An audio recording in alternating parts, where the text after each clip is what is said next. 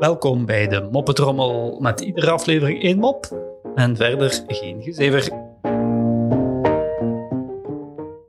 Tegenover een café staan twee agenten met een hond. Plots komt er iemand uit het café gestrompeld en komt op de agenten af. Hij stopt recht voor de hond, bukt zich en bekijkt het kruis van het beest. Hmm. Dan staat hij weer recht en gaat terug naar het café. De agenten kijken elkaar aan en halen de schouders op.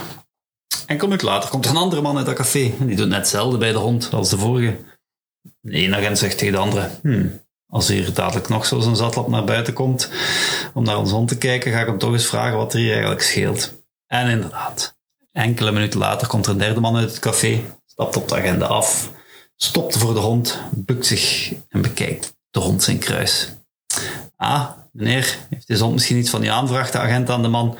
Uh, nee, zegt de man helemaal niet, maar daarbinnen beweert iemand dat er hier een hond staat met twee lullen.